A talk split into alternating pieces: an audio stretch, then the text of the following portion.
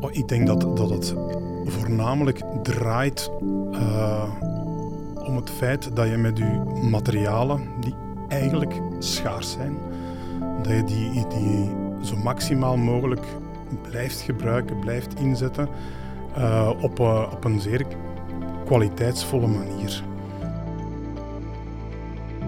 Er wordt al heel veel hergebruikt, gerefurbished, maar er gaat nog heel veel, spijtig genoeg, op de container. En juist met die afval willen wij uh, bekijken uh, hoe dat we daar andere uh, meubilair van kunnen maken. Voor deze podcast bevinden we ons in Westerlo, meer bepaald in kantoorgebouw Het Centrum op de site van Camp C, het provinciale centrum voor duurzaamheid en innovatie in de bouw. Volgens Camp C is het centrum het meest circulaire kantoorgebouw van de Benelux.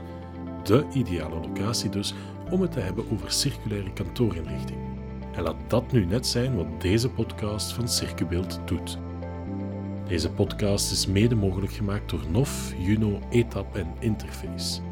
Mijn naam is Maxime Bergvoets en uw host voor deze aflevering is Rick Neven. Uh, onze eerste gast is uh, Wim van Aarschot van AG Stadsontwikkeling Leuven. Uh, Wim, kunt je uw organisaties even toelichten? Wat doet AG Stadsontwikkeling juist? AG Stadsontwikkeling Leuven is een dochteronderneming van uh, de stad Leuven. We zijn wel een eigen organisatie. En wij focussen ons op verschillende domeinen. Uh, uitvoeren van stedelijk woonbeleid, beheer van het woonpatrimonium, labo, innovatieve stadsontwikkeling, al het facilitair beheer dat daarbij te pas komt. Uh, dus een, een zootje ongeregeld bij elkaar. En daarin leggen jullie de lat in zaken duurzaamheid erg hoog, hè? Ja, klopt, klopt. En dat proberen we in al onze projecten echt wel, uh, wel, wel hoog te leggen. Um, in deze legislatuur, want wij kijken spijtig genoeg soms uh, uh, in legislaturen, ligt de lat heel, lat heel hoog um, qua woonpatrimonium. En we proberen dan inderdaad met pilootprojecten echt wel het, het, verschil te maken. En die keuze voor duurzaamheid, is dat vooral ingegeven door een, een maatschappelijk engagement of, of heeft het ook met, met kostprijsbeheersing te maken? Uh, het is in eerste instantie gegroeid vanuit uh, maatschappelijk engagement, waar wij vonden dat wij als uh, overheid um, echt wel, wel het voortouw moesten nemen en het voorbeeld moesten scheppen.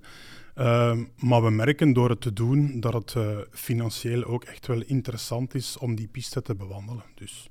Een heel interessant pilootproject van jullie is het uh, project van de studio's in Leuven, waar jullie pas ook nog genomineerd zijn voor de Belgian Building Awards. En waarin jullie zo uh, circulair mogelijk enkele studio's hebben ingericht. Hè. Dat experimenteren, dat is voor jullie van, van groot belang, denk ik. Hè? Ja, dat, dat is ook net onze, onze grote uitdaging. Dat maakt het ook zo, zo boeiend, ons werk, denk ik. Um, dat was inderdaad een projectje waarin dat we circulair verbouwen, uh, slash biobased verbouwen, echt gewoon als, als uitgangspunt gezet hebben. Met het idee van, we gaan dat doen en we gaan kijken hoe ver we raken. Uh, en uh, het feit dat we genomineerd waren, zegt denk ik voldoende dat we redelijk ver Klopt, ja, want het was een heel mooi project, vond ik. Uh, en die zoektocht naar duurzaamheid, hoe passen jullie dat toe in, in jullie kantoren? Wel, um, dat is natuurlijk iets dat, dat gegroeid is. We zijn vorig jaar zijn wij als organisatie volwassen geworden, 18 jaar. En bepaalde tertiaire gebouwen hadden we dus ook al 10, 15 jaar in portefeuille, waarin je merkt van oké, okay, dat is het moment om aan vernieuwing te gaan doen. En hebben we echt uh, die mindswitch gemaakt van, goed, wat is hier nu? Hè? We, gaan, we gaan een keer oplijsten, wat is er van materiaal, wat zijn onze noden? Um, en wat kunnen we met dat materiaal zelf gaan doen? Dus echt nog wel gebruik maken van, van onze eigen materialenbank. Um, maar ja, dat is materiaal dat gekocht is, afgeschreven is en dat we dan zelf een, een tweede nieuw leven willen geven. Onze tweede gast is uh, Sophie Boré van, van Kuipers Q. Sophie, kunt je Kuipers Q eens even toelichten? Jazeker. Uh, wij zijn een um, multidisciplinair team, dus architecten uit Antwerpen. Uh, we hebben een open geest en een, en een brede kijk op het, op het beroep. Uh, we zijn innovatief, we onderzoeken graag, we delen graag kennis en we staan open voor discipline-overschrijdende samenwerkingen. Ja, ja. Jullie uh, zijn heel veel bezig al met, met circulair bouwen. Waarom vinden jullie dat zo belangrijk? Uh, we vinden dat belangrijk omdat eigenlijk de, de, er is altijd een context. Uh, we vertrekken nooit van een wit blad. Er is een context, sociaal, maatschappelijk, de site en uh, circulariteit ondersteunt eigenlijk uh, die gedachte. Jullie eerste circulaire ervaring gaat al van, van ver terug, want in 2015 hebben jullie al een kantoor voor, voor Happiness in Vilvoorde uh, circulair ingericht. Wat hield heel in kort het project juist in? Happiness was dus onze klant. Happiness is een reclamebureau en die definiëren zichzelf als ongedefinieerd specimen in constante evolutie. Dat wil dus zeggen dat hun, hun eigenlijk het ontwerp en, en de hedendaagse, het, het, het, ontwerp van een hedendaags en, en duurzaam kantoor met een hoekaf uh, aan ons werd, uh, werd toegewezen. Um, en wat was er juist circulair aan? Het circulairste was eigenlijk dat het, dat het gebouw al een twee levens had gekregen. Dus eigenlijk was het eerst een, een school in Rotterdam, de Kleine Pijler. Um, daarna werden de 64 containers naar de Verbeke Foundation verhuisd en hebben die dienst gedaan als artiestenresidentie. En uh, nu dus uh, staan ze in Vilvoorde naast de kruidfabriek ook een, een, een zitten in, in constante evolutie. Uh, toen was circulair bouwen nog absoluut niet, niet in trek. dus ik denk dat voor jullie ook een belangrijke leerschool is. Wat zijn zo de belangrijkste lessen die jullie daaruit hebben kunnen trekken? Um, ja, vooral ruimtelijk en stedenbouwkundig. Dus dat een tijdelijke bebouwing van een leegstaande probleemgrond een absolute meerwaarde kan betekenen voor een buurt. Um, ook dat alle stakeholders out of the box moeten denken, om, omdat er niet echt een, een geldende regelgeving bestaat uh, voor dit soort van, van interventies vandaag de dag. Um, en ook dat het durf en moed vraagt van de klant om de risico's te dragen voor die innovatieve en alternatieve vormen van stedelijke invullingen uh, zonder enige garantie.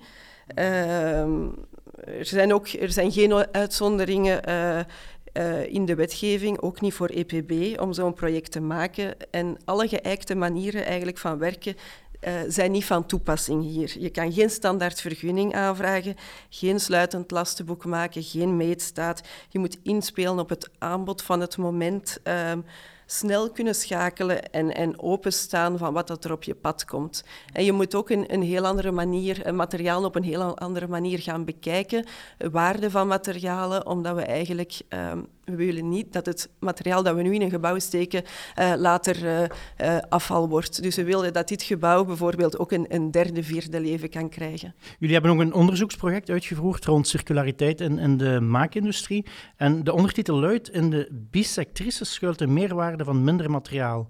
Dat vraagt om een woordje uitleg. Dat klopt. Um, we zijn eigenlijk nog maar pas van start gegaan met dit onderzoek, eind 2022. Um, we, we, vertrekken van een constatatie van een vaststelling dat er eigenlijk heel veel kantoormeubilair de, de, uh, afval, de afvalhoop uh, opgeraakt. Er wordt al heel veel hergebruikt, gerefurbished, maar er gaat nog heel veel, spijtig genoeg, op de container. En juist met die afval willen wij um, bekijken uh, hoe dat we daar andere uh, meubilair van kunnen maken, die dat er zelfs beter uitziet dan nieuw meubilair en die dat ook kan ingezet worden in andere domeinen, bijvoorbeeld scholen, retail, um, um, ook kantoren of horeca, die dat eigenlijk allemaal met dezelfde problemen kampen. De term circulair bouwen wordt uh, te pas en te onpas gebruikt. Uh, wat is voor jullie eigenlijk de essentie van, van circulair bouwen? Oh, ik denk dat, dat het voornamelijk draait uh, om het feit dat je met je materialen, die eigenlijk schaars zijn, dat je die, die zo maximaal mogelijk blijft gebruiken, blijft inzetten uh, op, uh, op een zeer kwaliteitsvolle manier. Uh, en ja, dat is een van, van de ankerpunten die we eigenlijk altijd meenemen in, in, in alle vernieuwingen die we, die we doorvoeren, van, van, van heel kleinschalig naar grootschalig. En dat is toch en uh, Sophie leent uh, kantoorinrichting zich, zich goed voor de circulaire principes, beter dan bijvoorbeeld andere bouwprojecten? Zeker, omdat de kantoorsector eigenlijk een, een sector is die dat in constante evolutie is. Je moet heel snel kunnen uh, veranderen naar de noden van, van kantoor zelf, uh, de grootte van een kantoor, uh, thuiswerken, iets um, delen of niet. Dus zeker en vast. En, en Wim, wat zijn volgens u de grootste misverstanden rond circulair bouwen? Uh, de grootste misverstanden zijn dat mensen denken dat het niet kwaliteitsvol kan, dat het sowieso duur is uh, en uh, dat circulair eh, niet gelijk staat met duurzaam. Het woord duurzaamheid uh, is door sommige mensen vervangen door circulair. En ze zeggen van dat is modern, maar dat dekt niet de lading. Maar als je verder kijkt, dekt dat zeker wel de lading en kan je daar echt wel mooie, mooie zaken in realiseren. We hadden eerst, eerder op de dag een, een, webinar, ook rond circulaire kantoorinrichting. En toen zei de gastheer Emile Achoni van Kamp C dat de eerste stap is om onze eigen behoeften in vraag te stellen. Dat is ook iets wat jij kunt beamen, denk ik. Goh, ik denk dat, dat ik dat zelfs uh, als tip straks nog wil meegeven, maar ik wil, ik wil nog geen tip van de sluier uh, richten. Maar dat is het aller, allerbelangrijkste. Dat is gewoon uh, in het reinen met jezelf komen, maar eigenlijk gewoon je eigen noden bepalen. Het is pas als je goed weet um, wat je zelf wilt, um, dat je pas die stap verder kunt zetten. Dus ja, dat is een hele belangrijke. Goed. Sophie, uh, Jan Gijzen van Pure Interieurarchitecten was een van de andere gasten tijdens het webinar. Hij zei, we zijn vroeger nog opgeleid om van een wit blad te beginnen en met uh, circulair bouw is dat helemaal anders. Dat kunt je ook beamen, denk ik. Ja, dat klopt. We vertrekken altijd van een context. En uh, die context, die maatschappelijke milieu, de planeet, hè, is, is zeer belangrijk. Uh, uh, niet alleen de zitten, maar, maar, maar ook het, het, het holistische eigenlijk daar rond is, ja, is bepalend. En, en, en circulariteit is dan eigenlijk een, een manier om andere doelstellingen te kunnen bereiken. Mhm. Elke fabrikant beweert vandaag dat hij circulaire producten heeft. Hoe moeilijk is het als architect om dan kaf van het koren te scheiden? Um, ja, de aap valt heel snel door de mand. Um, door, door fabrikanten uit te nodigen voor een gesprek. Um, dat doen wij bij Kuipers en Q Architecten.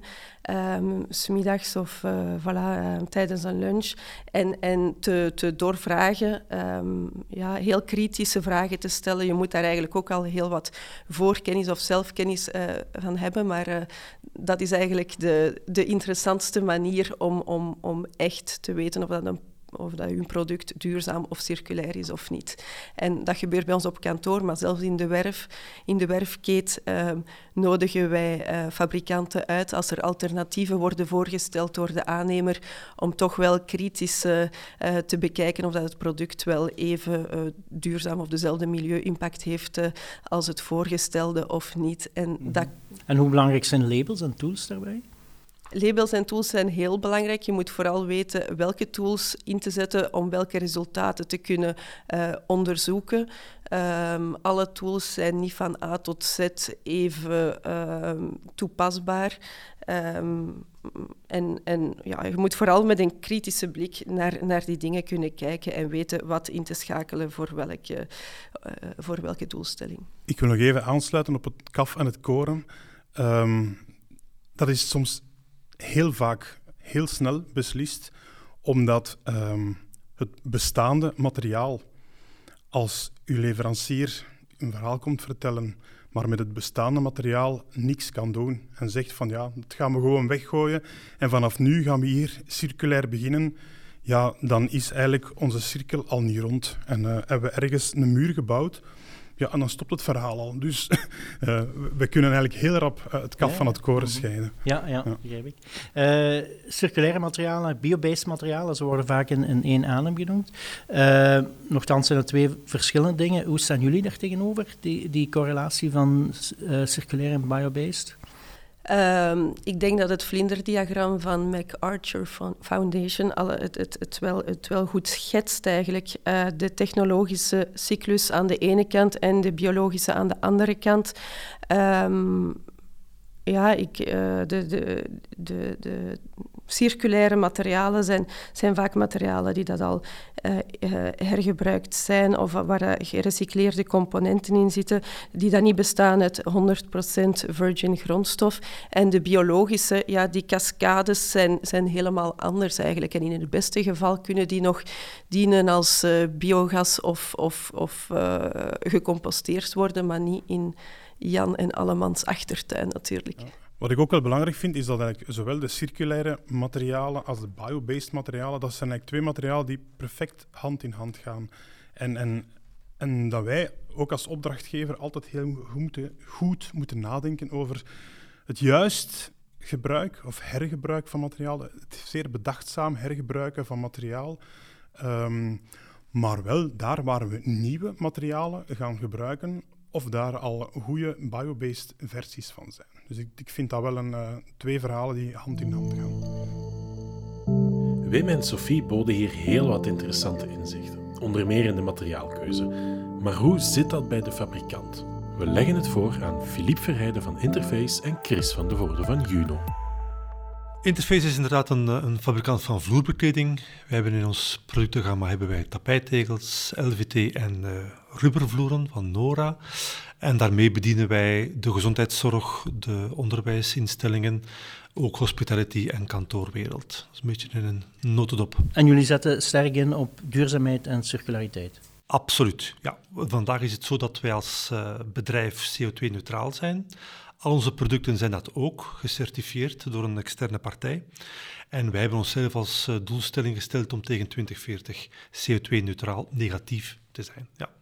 Uh, kon je vinden in wat uh, Sophie en, en, Wim zeiden over circulaire materialen? Ik kan mij vinden in wat zij zeiden. Ik, ik wil daar een, een toevoeging uh, op doen. In die zin dat met name bijvoorbeeld bij de circulaire materialen en biobased materialen, als je kijkt vandaag naar ons uh, productengamma van tapijttegels, hebben wij al 88% gemiddeld uh, circulaire en biobased materialen als grondstof gebruikt. Dat is ook de enige manier waarop wij vandaag al het verschil kunnen maken. En niet zozeer een futures promise naar circulariteit toe bij recyclage. Wij proberen vandaag te ageren en wij proberen vandaag met uh, ja, andere grondstoffen vergelijkbare producten te maken met dezelfde duurzaamheid, met dezelfde uh, slijtweerstand bijvoorbeeld, dezelfde esthetiek, maar ja, een stukje minder vervuilend, meer duurzaam. Dat is een beetje en hoe staan jullie tegenover uh, labels en, en, en tools? Labels, tools zijn voor ons heel belangrijk. Waarom? Omdat het eigenlijk een beetje een objectiveerbaar maken is van de, van de discussie. Uh, ja, ik denk dat Sophie vaak ook wel geconfronteerd wordt, ze heeft het net aangegeven.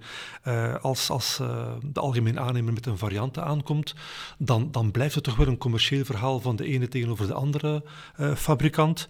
Als je dingen zoals een EPD gebruikt, waarbij je de, de milieu-impact van je product op een objectieve manier gaat kunnen weergeven, ja, dan, dan objectiveer je die, die discussie en dan, dan kan je inderdaad producten met elkaar op een, op een objectieve manier gaan vergelijken. En dat is toch wel ja, een vooruitgang, denk ik.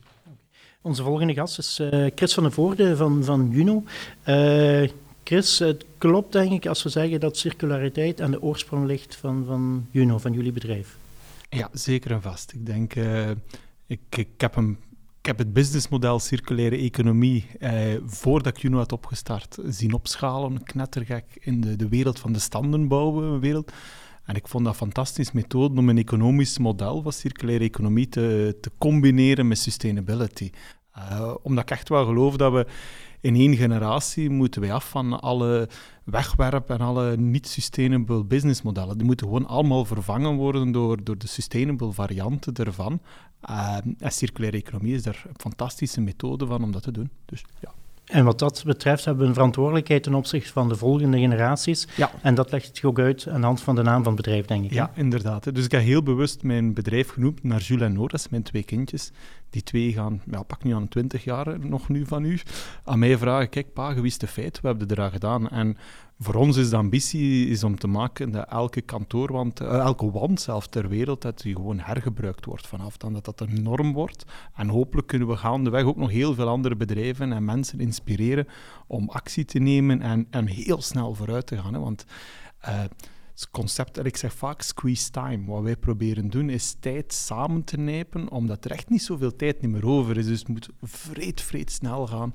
Uh, en dat vinden wij leuk om te doen. En hoe staat jij over uh, labels en tools? Um, ja, labels zijn duur, dus dat vind ik niet zo leuk. Uh, ik ben wel een heel grote fan van het volledige EPD-verhaal, omdat dat echt wel, uh, zeker een uh, Independent Certified EPD, dat is een methode die voor iedereen fair is om er naar, naar te gaan kijken. Dus dat is zo een algemene norm, is iedereen eerlijk behandeld, daar ben ik een grote fan van. Ja, en anders, ja, je kunt punten bij ons scoren met Bria, met Leads. we hebben C2C Silver, maar dat kost ons gewoon geld. Uh, en dat is soms een nodig om het economische model, om ja, aan de vraag van een architect te voldoen.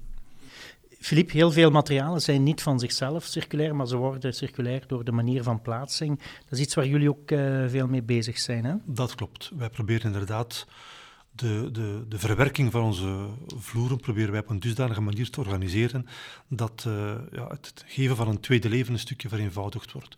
Uh, heel concreet, als je kijkt bijvoorbeeld naar een uh, project Camp C, hebben wij onze tapijtegels niet laten verlijmen op de ondervloer, maar gebruiken wij tactiles, waarbij we eigenlijk zeg maar, de tegel met de hoek vastmaken aan de volgende tegel zodanig dat de, de rug van die tegel eigenlijk uh, lijnvrij blijft. Als je hem nadien bij het einde van het uh, eerste commerciële leven, als je hem wil uh, recupereren, ja, dan heb je een tegel die niet meer met lijm bevuild is. En dat versnelt en vereenvoudigt natuurlijk de mogelijkheid om nadien hem op een andere plaats opnieuw te gaan plaatsen. De meest circulaire oplossing blijft wel de materialen in hun totaliteit hergebruiken. Maar staat de markt daar eigenlijk voor open? We vroegen het aan Wim en Sophie de mensen binnen de markt waar wij mee spreken, uh, staan daar echt wel open voor. Natuurlijk, um, ik heb het daar juist ook al gezegd, we vertrekken eigenlijk altijd van het restproduct, het materiaal dat er nu aanwezig is. En dat materiaal dat er nu aanwezig is, kan heel vaak niet voor 100% hergebruikt worden. Maar er zijn best wel meerdere toepassingen duidelijk die, die ervoor zorgen dat we terug naar, naar de basisgrondstof gaan. Bijvoorbeeld, ik denk aan de firma Nov, die zegt van kijk, we gaan de, de melamine van, van de tafelbladen afschuren, we hebben terug het ruw hout. Uh, en daar gaan, daar gaan wij nieuwe, nieuwe elementen van maken. Dus ja, er, eh, er zijn best wel um, veel organisaties, leveranciers die, die mee nadenken. Uh, dus voor mij is die markt er echt wel rijp hmm. voor. En Sophie, wat zijn nog de belangrijkste drempels waarom het nog niet meer gebeurt? Ik denk dat veel mensen nog niet out of the box kunnen denken. Zoals u het juist zegt, um, is de markt er nog niet helemaal klaar voor. Kunnen veel zaken niet hergebruikt worden, omdat er juist drempels uh, uh, ja, naar verantwoordelijkheid, juridisch, uh, kwaliteitsgaranties gewoon nog, nog niet bestaan.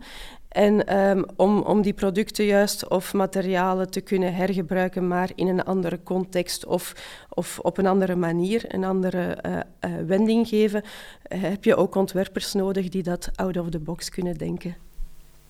Die kwaliteitsgaranties, ervaar je dat ook als een drempel? Dat er soms uh, mensen verwachten dat je daar een, bepaalde garantie kunt geven, die je wel bij nieuwbouwen, nieuwe materialen kunt geven, maar niet bij uh, hergebruikte materialen? Wel, ik denk dat dat een drempel is die, die je als bouwheer gewoon even moet nemen ook. Um, in, voorbije projecten ook uh, mogen zien. Um, dat is gewoon een gedeelde verantwoordelijkheid. Je kan niet bij de leverancier die eindverantwoordelijkheid leggen van bijvoorbeeld die tienjarige aansprakelijkheid op materiaalkwaliteit. Nee, dat is een gedeelde verantwoordelijkheid. En daar kan je zelfs soms zeggen van, ik neem die verantwoordelijkheid als bouwheer volledig bij mij, uh, maar ik kan wel beroep doen op de kwaliteit en uh, de, de, de hulp van de leverancier in, in die tien jaar.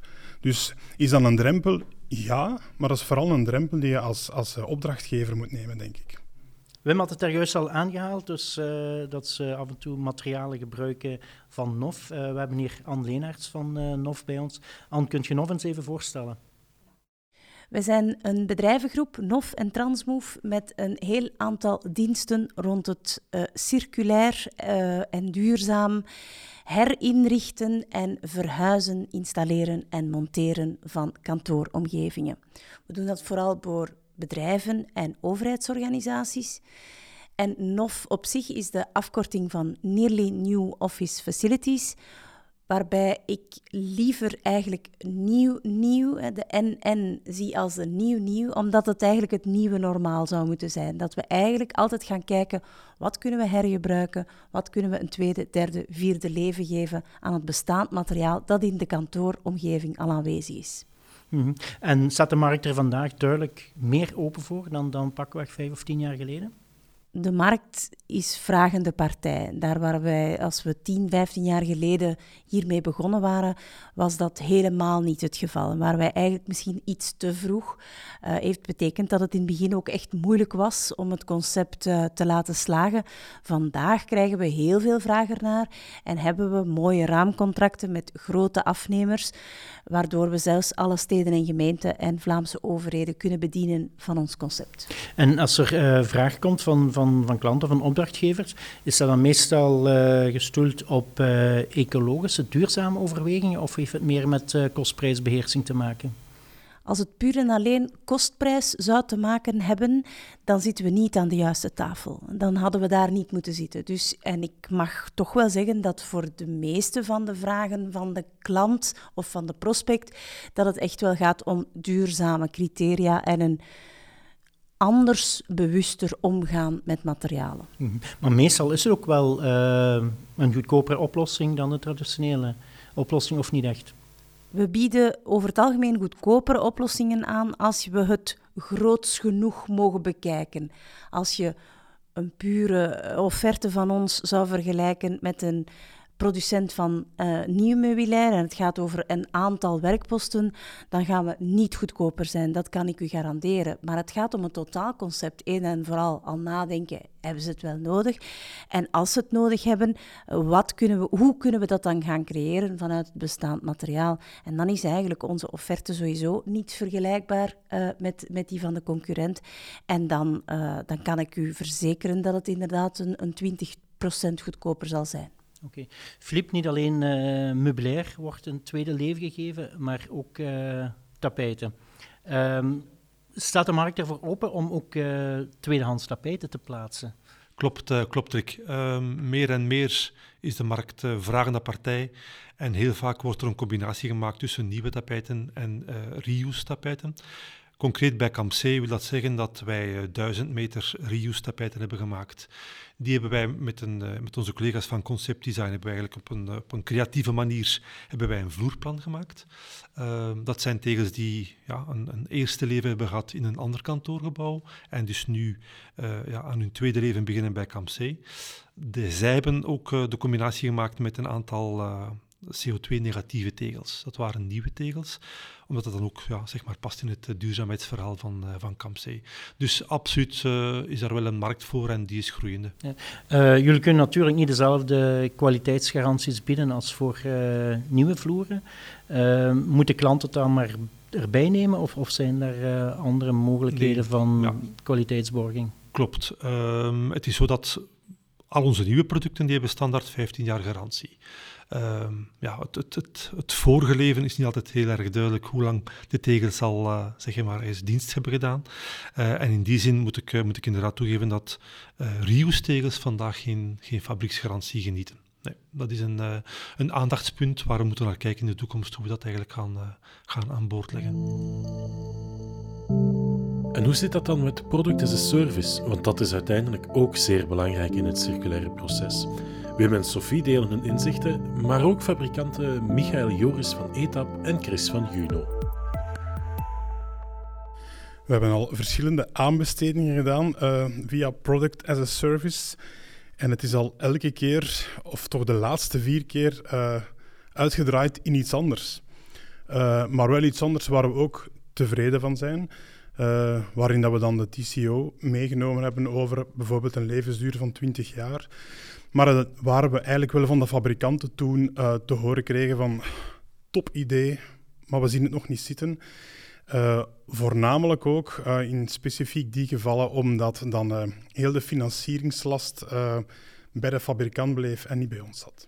Sophie, passen jullie dat regelmatig toe? We hebben het al vaak onderzocht al vaak fabrikanten laten komen om hun uitleg te doen. Ook ETAP bijvoorbeeld, uh, voor Light as a Service. Wat heel belangrijk is, is de schaal. Schaal is, is, is van groot belang. Wij zijn ook heel actief in de scholenbouw. En daar zijn er juist onvoldoende lichturen. Of het gebouw moet al heel breed gebruikt worden, dat het s'avonds eigenlijk en, en in de vakanties ook benut is.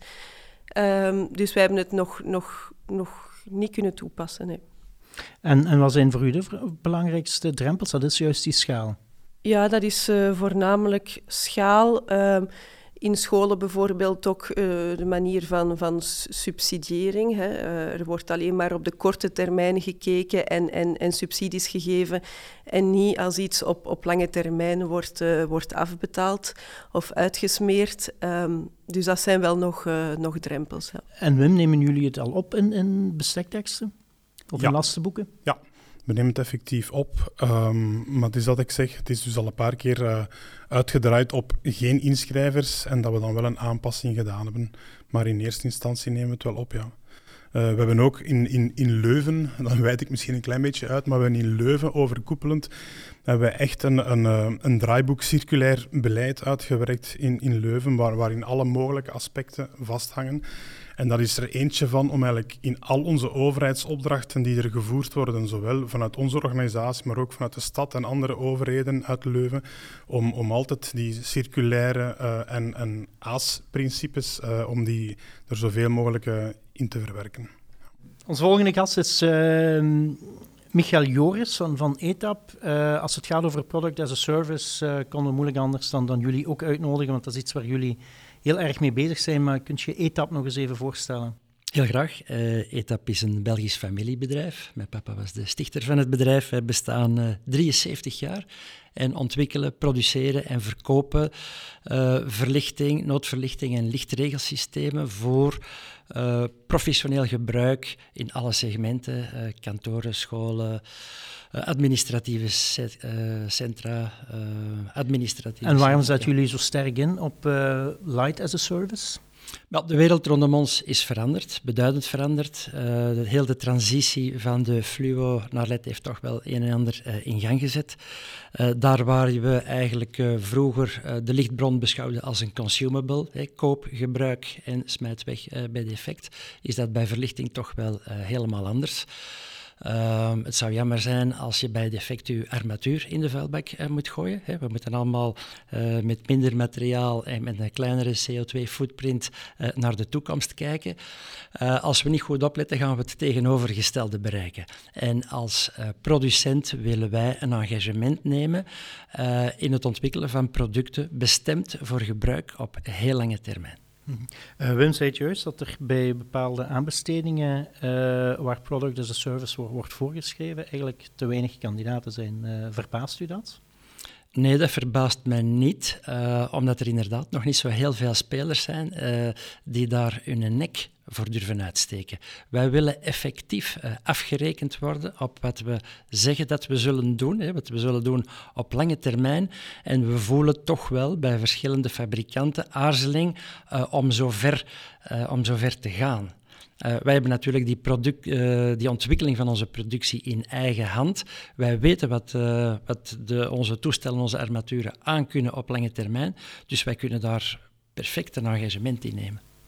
Chris, jullie hebben niet alleen uh, heel nieuwe producten ontwikkeld, maar je hebt er ook een aparte businessstrategie rond ontwikkeld. Hè? En dat sluit wel enigszins aan bij Product as a Service. Ja, zeker en vast. Um, heel veel is uh, vanuit het productontwikkelingskant. Ik hoor daar ook echt de productontwikkelingskant. En dan kan je als fabrikant echt wel op langere termijn gaan denken. Voor ons was dat doen ook heel belangrijk. Dus vanaf dag één, alles wat wij ontwikkeld hebben, hebben we altijd een terugnamebelofte opgezet. En, en we hebben al heel veel wanden ook teruggekocht.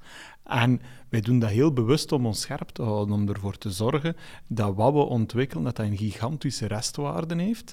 Um, en dat je die eigenlijk ook heel snel kunt gaan eruit halen. Want uh, circulaire economie, dat is niks anders dan...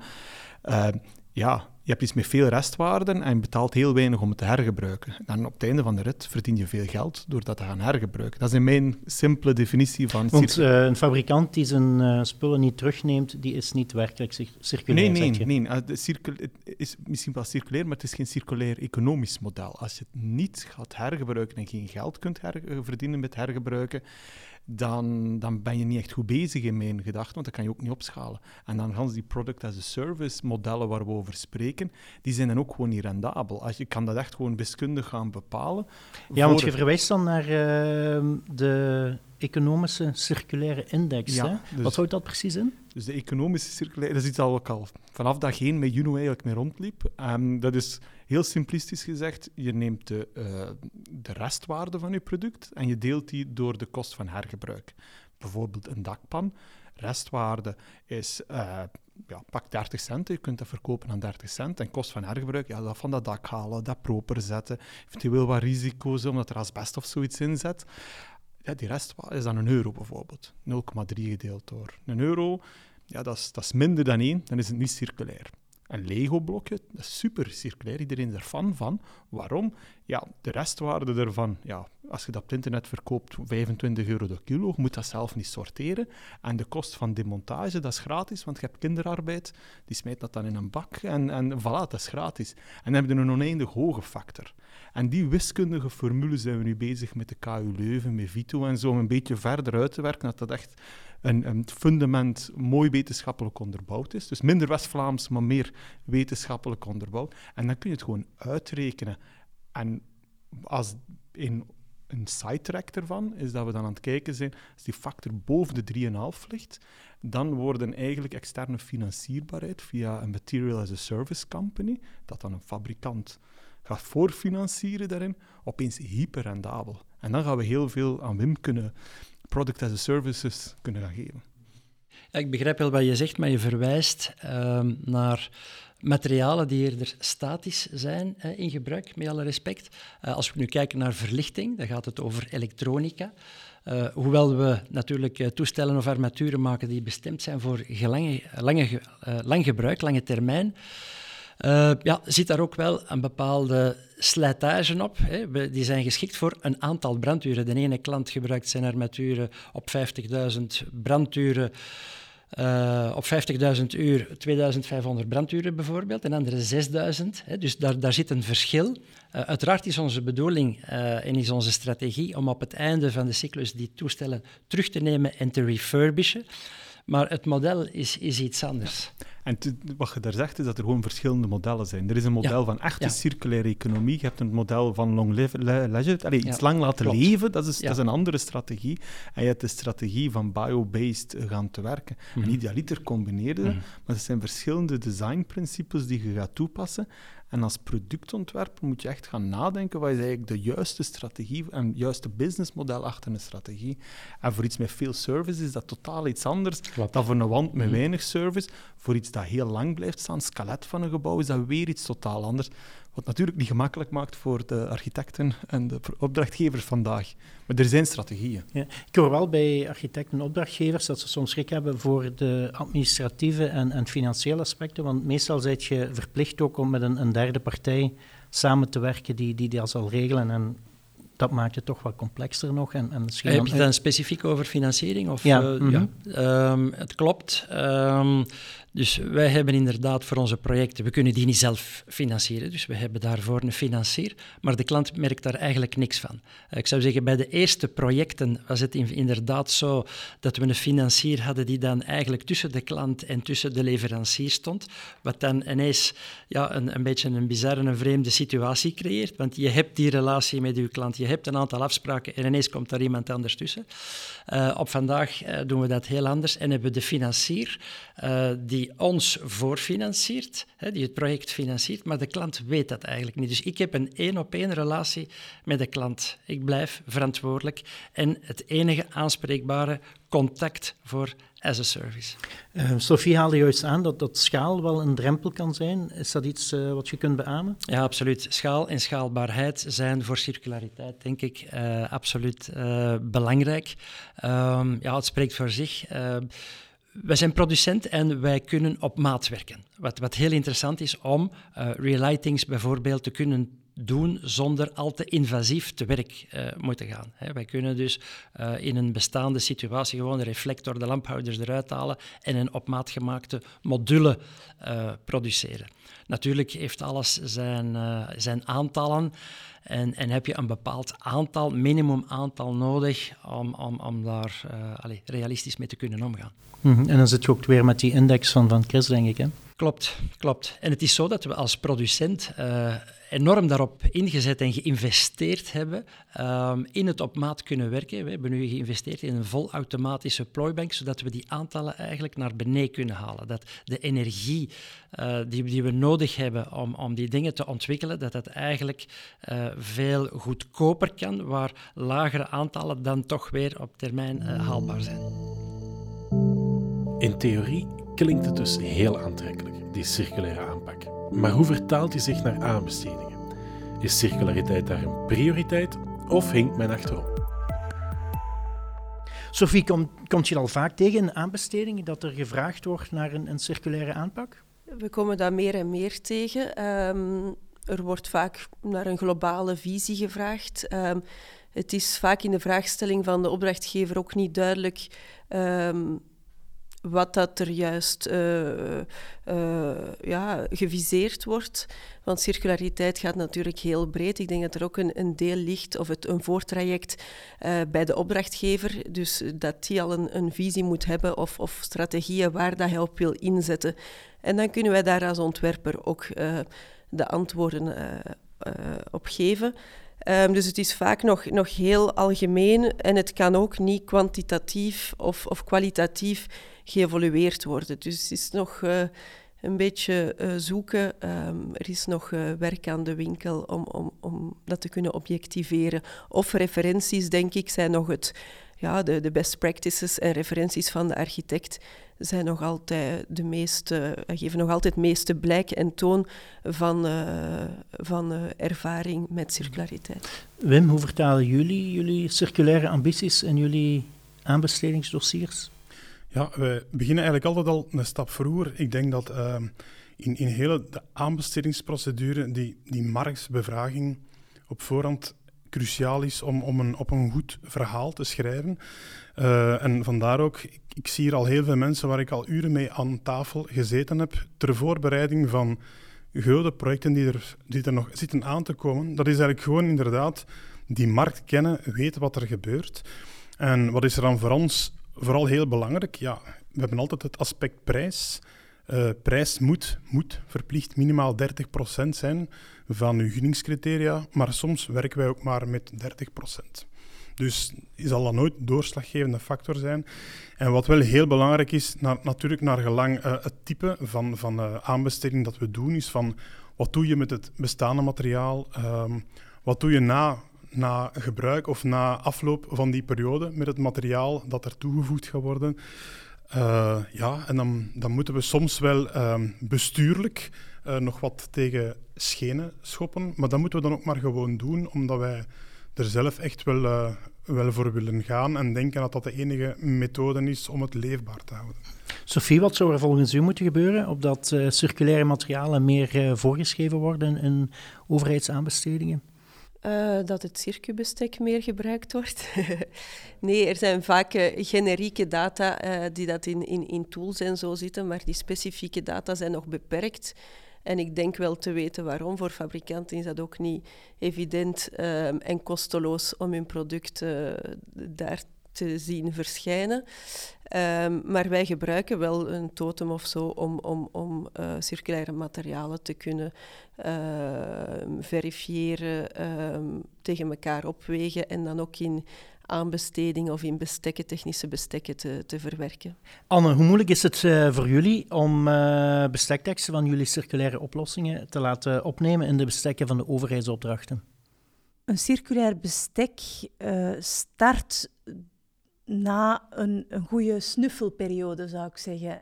Een, het kan pas in de aanbesteding komen als de opdrachtgever goed weet wat hij wilt, hebben we al va vaak gezegd. Maar als die ook een marktverkenning heeft gedaan, om dan te gaan kijken, ja, en wie kan mij hier de juiste oplossingen bieden. Dus een standaard bestek, dat is ook al iets moeilijk. Dus ik, ik ik geloof in, in de kracht van de snuffelperiode en de marktverkenning en zo tot een bestek te komen dat, dat, dat dan ook voor de juiste oplossingen. Uh, dat sluit aan bij, bij wat Wim juist zei. Die... Dat klopt, ja, absoluut. Ja, ik ben heel blij uh, te horen wat dat Wim zegt en in de praktijk, allee, hoe zij de dingen in praktijk uh, omzetten. Hè, dat ze eigenlijk uh, een heel ernstige marktbevraging doen. als je zo bij steden en gemeenten op bezoek gaat, dan heb je soms het idee alsof, alsof dat, dat een vieze praktijk is. Hè, uiteraard moet je je bevragen, uiteraard moet je weten wat er in de wereld omgaat. En, en dat voel je soms dat daar toch wel een, een koudwatervrees is om, om die stap te zetten. Gelukkig is het ook wel zo dat er heel wat initiatieven bestaan waarbij dat die informatie gedeeld wordt. Hè. Gaande ook van uh, de Green Deal circulair aankopen, circulair bouwen, circubestek, maar ook uh, een, een heel aantal fora waar dat er aan kennisdeling gedaan wordt. En ik moet zeggen, daar hebben we toch ook al heel wat uit geleerd. En, en ik denk dat fabrikanten dat ook wel toejuichen, of, of en, en afnemers ook echt dat toejuichen, omdat je daar eigenlijk op een korte periode heel wat nieuwigheden leert kennen, die zuurstof geven, die nieuwe mogelijkheden geven. Dus ehm, ik denk dat die kennisdeling en niet alles in ons, in ons eigen kopken of bij ons eigen eh, bedrijf houden, is heel belangrijk. Het ging daar juist nog over aanbesteding, uh, aanbestedingen in scholen. En um, aanbestedingen uh, worden in scholen niet toegestaan uh, als het gaat over as a service op lange termijn. Hè. Het gaat alleen over uh, gebruik op, of contracten op korte termijn. En uh, Agion, bijvoorbeeld scholen, kunnen een, een, lening krijgen, een gratis lening van Agion. Maar ja, je krijgt daar geen toegang. Ze laten niet toe dat as a service uh, zou geïnduceerd worden in, in die bestekken. Uh, ik zou heel graag met hen daarin overleg gaan, maar je geraakt daar bij wijze van spreken niet voorbij de voordeur. Het is precies alsof die niet willen weten, die willen u niet zien, die willen u niet kennen. En ik vind dat, ik vind dat verschrikkelijk uh, frustrerend, want wij staan eigenlijk met, in de privé, wij staan met zoveel klaar om te helpen renoveren voor scholen. Hè. Er gaat een gigantische golf op ons afkomen en toch wordt dat niet toegelaten, zelfs genegeerd. Ik vind dat heel vreemd. Anne, wat zou de overheid nog moeten doen om uh, circulariteit meer in te bedden in hun aanbestedingen? Persoonlijk in onze sector, um, die duurzame kantoorinrichtingen, is het heel gangbaar om dit element of deze aanpak uh, te hanteren. Dus aan uh, openbare aanbestedingen die, die het nog niet hebben opgenomen, die zien we eigenlijk bijna niet meer langskomen. En daar gaan we natuurlijk uiteraard niet aan deelnemen. Wat ook nog een bijzondere was, is uh, vorig jaar is er ook een, een heel nieuwe aanbesteding uh, uitgekomen. En dat was verhuizingen en circulaire leegmaak. Iets totaal nieuw in onze sector, uh, want, omdat verhuizingen eigenlijk altijd ja, wat op zich ook een, een, een, circulair gegeven is, het hergebruiken en gewoon op een andere plaats terugzetten. Dus dat was wel goed. Maar dan ook die leegmaak nu erbij betrekken, is echt wel nieuw. Dat betekent dat we dus ook echt een gebouw volledig moeten leegmaken en daar dan nog een keer alle circulaire oplossingen voor moeten kunnen aanbieden, gaande van over kringwinkels tot eventueel het zuiden, waar wij niet echt een voorstander van zijn. Maar bijvoorbeeld ook een personeelsverkoop, waardoor dat je eigenlijk heel wat... Um, nieuwe mogelijkheden voor dat bestaand kantoormeubilair of ander materiaal, gaande van vuilbakjes tot kapstokken, tot whiteboards, tot prikborden. Eigenlijk wil men daar ook oplossingen voor hebben en dat is dus wel een, een goede zaak. Als afsluiter van deze podcast laten we elke spreker, net als bij het webinar, een gouden tip geven rond circulaire kantoorinrichting. Michael bijt de spits af.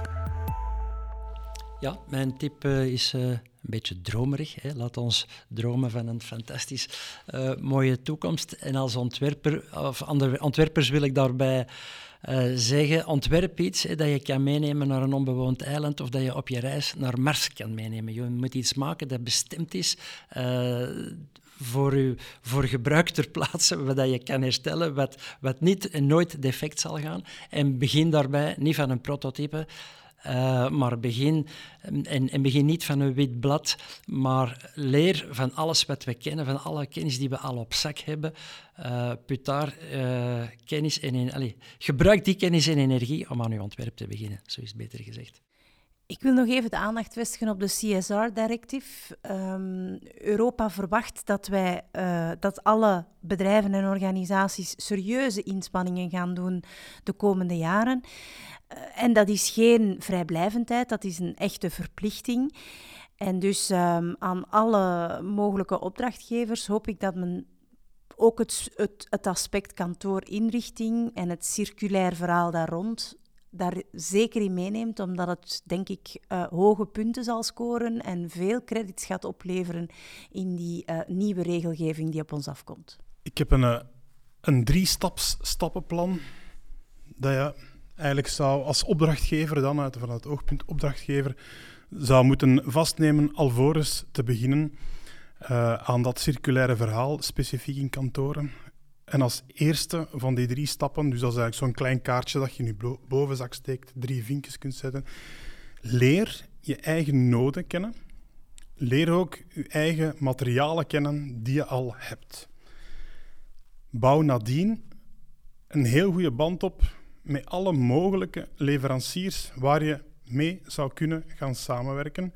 En die hele goede band zal ook nodig zijn later in al die jaren dat je nog gaat samenwerken. En durf, durf gewoon de kaart te trekken van echte duurzaamheid. Hè? En niet de gegreenwashte. Sophie? Probeer je, je bedrijfsfilosofie te belichamen in een gebouw. En ik denk dat, de, dat het antwoord heel snel uh, bij circulariteit gaat liggen. Ik zou zeggen, luister naar Wim. Ik vind dat een, een heel goede advies dat hij geeft. Schop tegen die schenen. Ik denk dat dat enorm belangrijk is. Omdat uiteindelijk, we hebben ongeveer nog 30 kwartalen over. En dan is het 2030. En tegen 2030, in die 30 kwartalen, moeten wij elk businessmodel moet circulair zijn, moet duurzaam zijn. Dus echt niet zoveel tijd niet meer. Dus stoppen met dat Vlaams gedoe en laat ons maar normaal doen en niet, dus niet te veel opvallen. Nee, doordoen en, schop tegen de schenen en doe zo voort. In het kader van wat Chris en Wim zeggen, doordoen, verder doen, inderdaad. Als je lastenboeken maakt uh, voor schrijvers, eindgebruikers, neem alsjeblieft die circulaire doelstellingen mee op in je lastenboek. Maar beperk dat niet tot het end-of-life oplossingen, maar ga ook verder en kijk naar de materiaalimpact of de milieu-impact die de materialen vandaag hebben. En kijk uh, via een EPD wat die uitstoot is, wat die milieu-impact is. Zo kan je eigenlijk best vergelijken als je doorheen het aanbestedingsproces ook alternatieven uh, aangeboden krijgt door de algemene aannemer.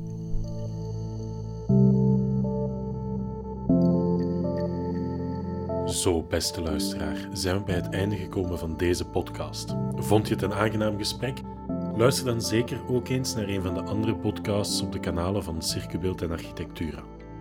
Deze podcast werd mede mogelijk gemaakt door NOF, Juno, ETAP en Interface.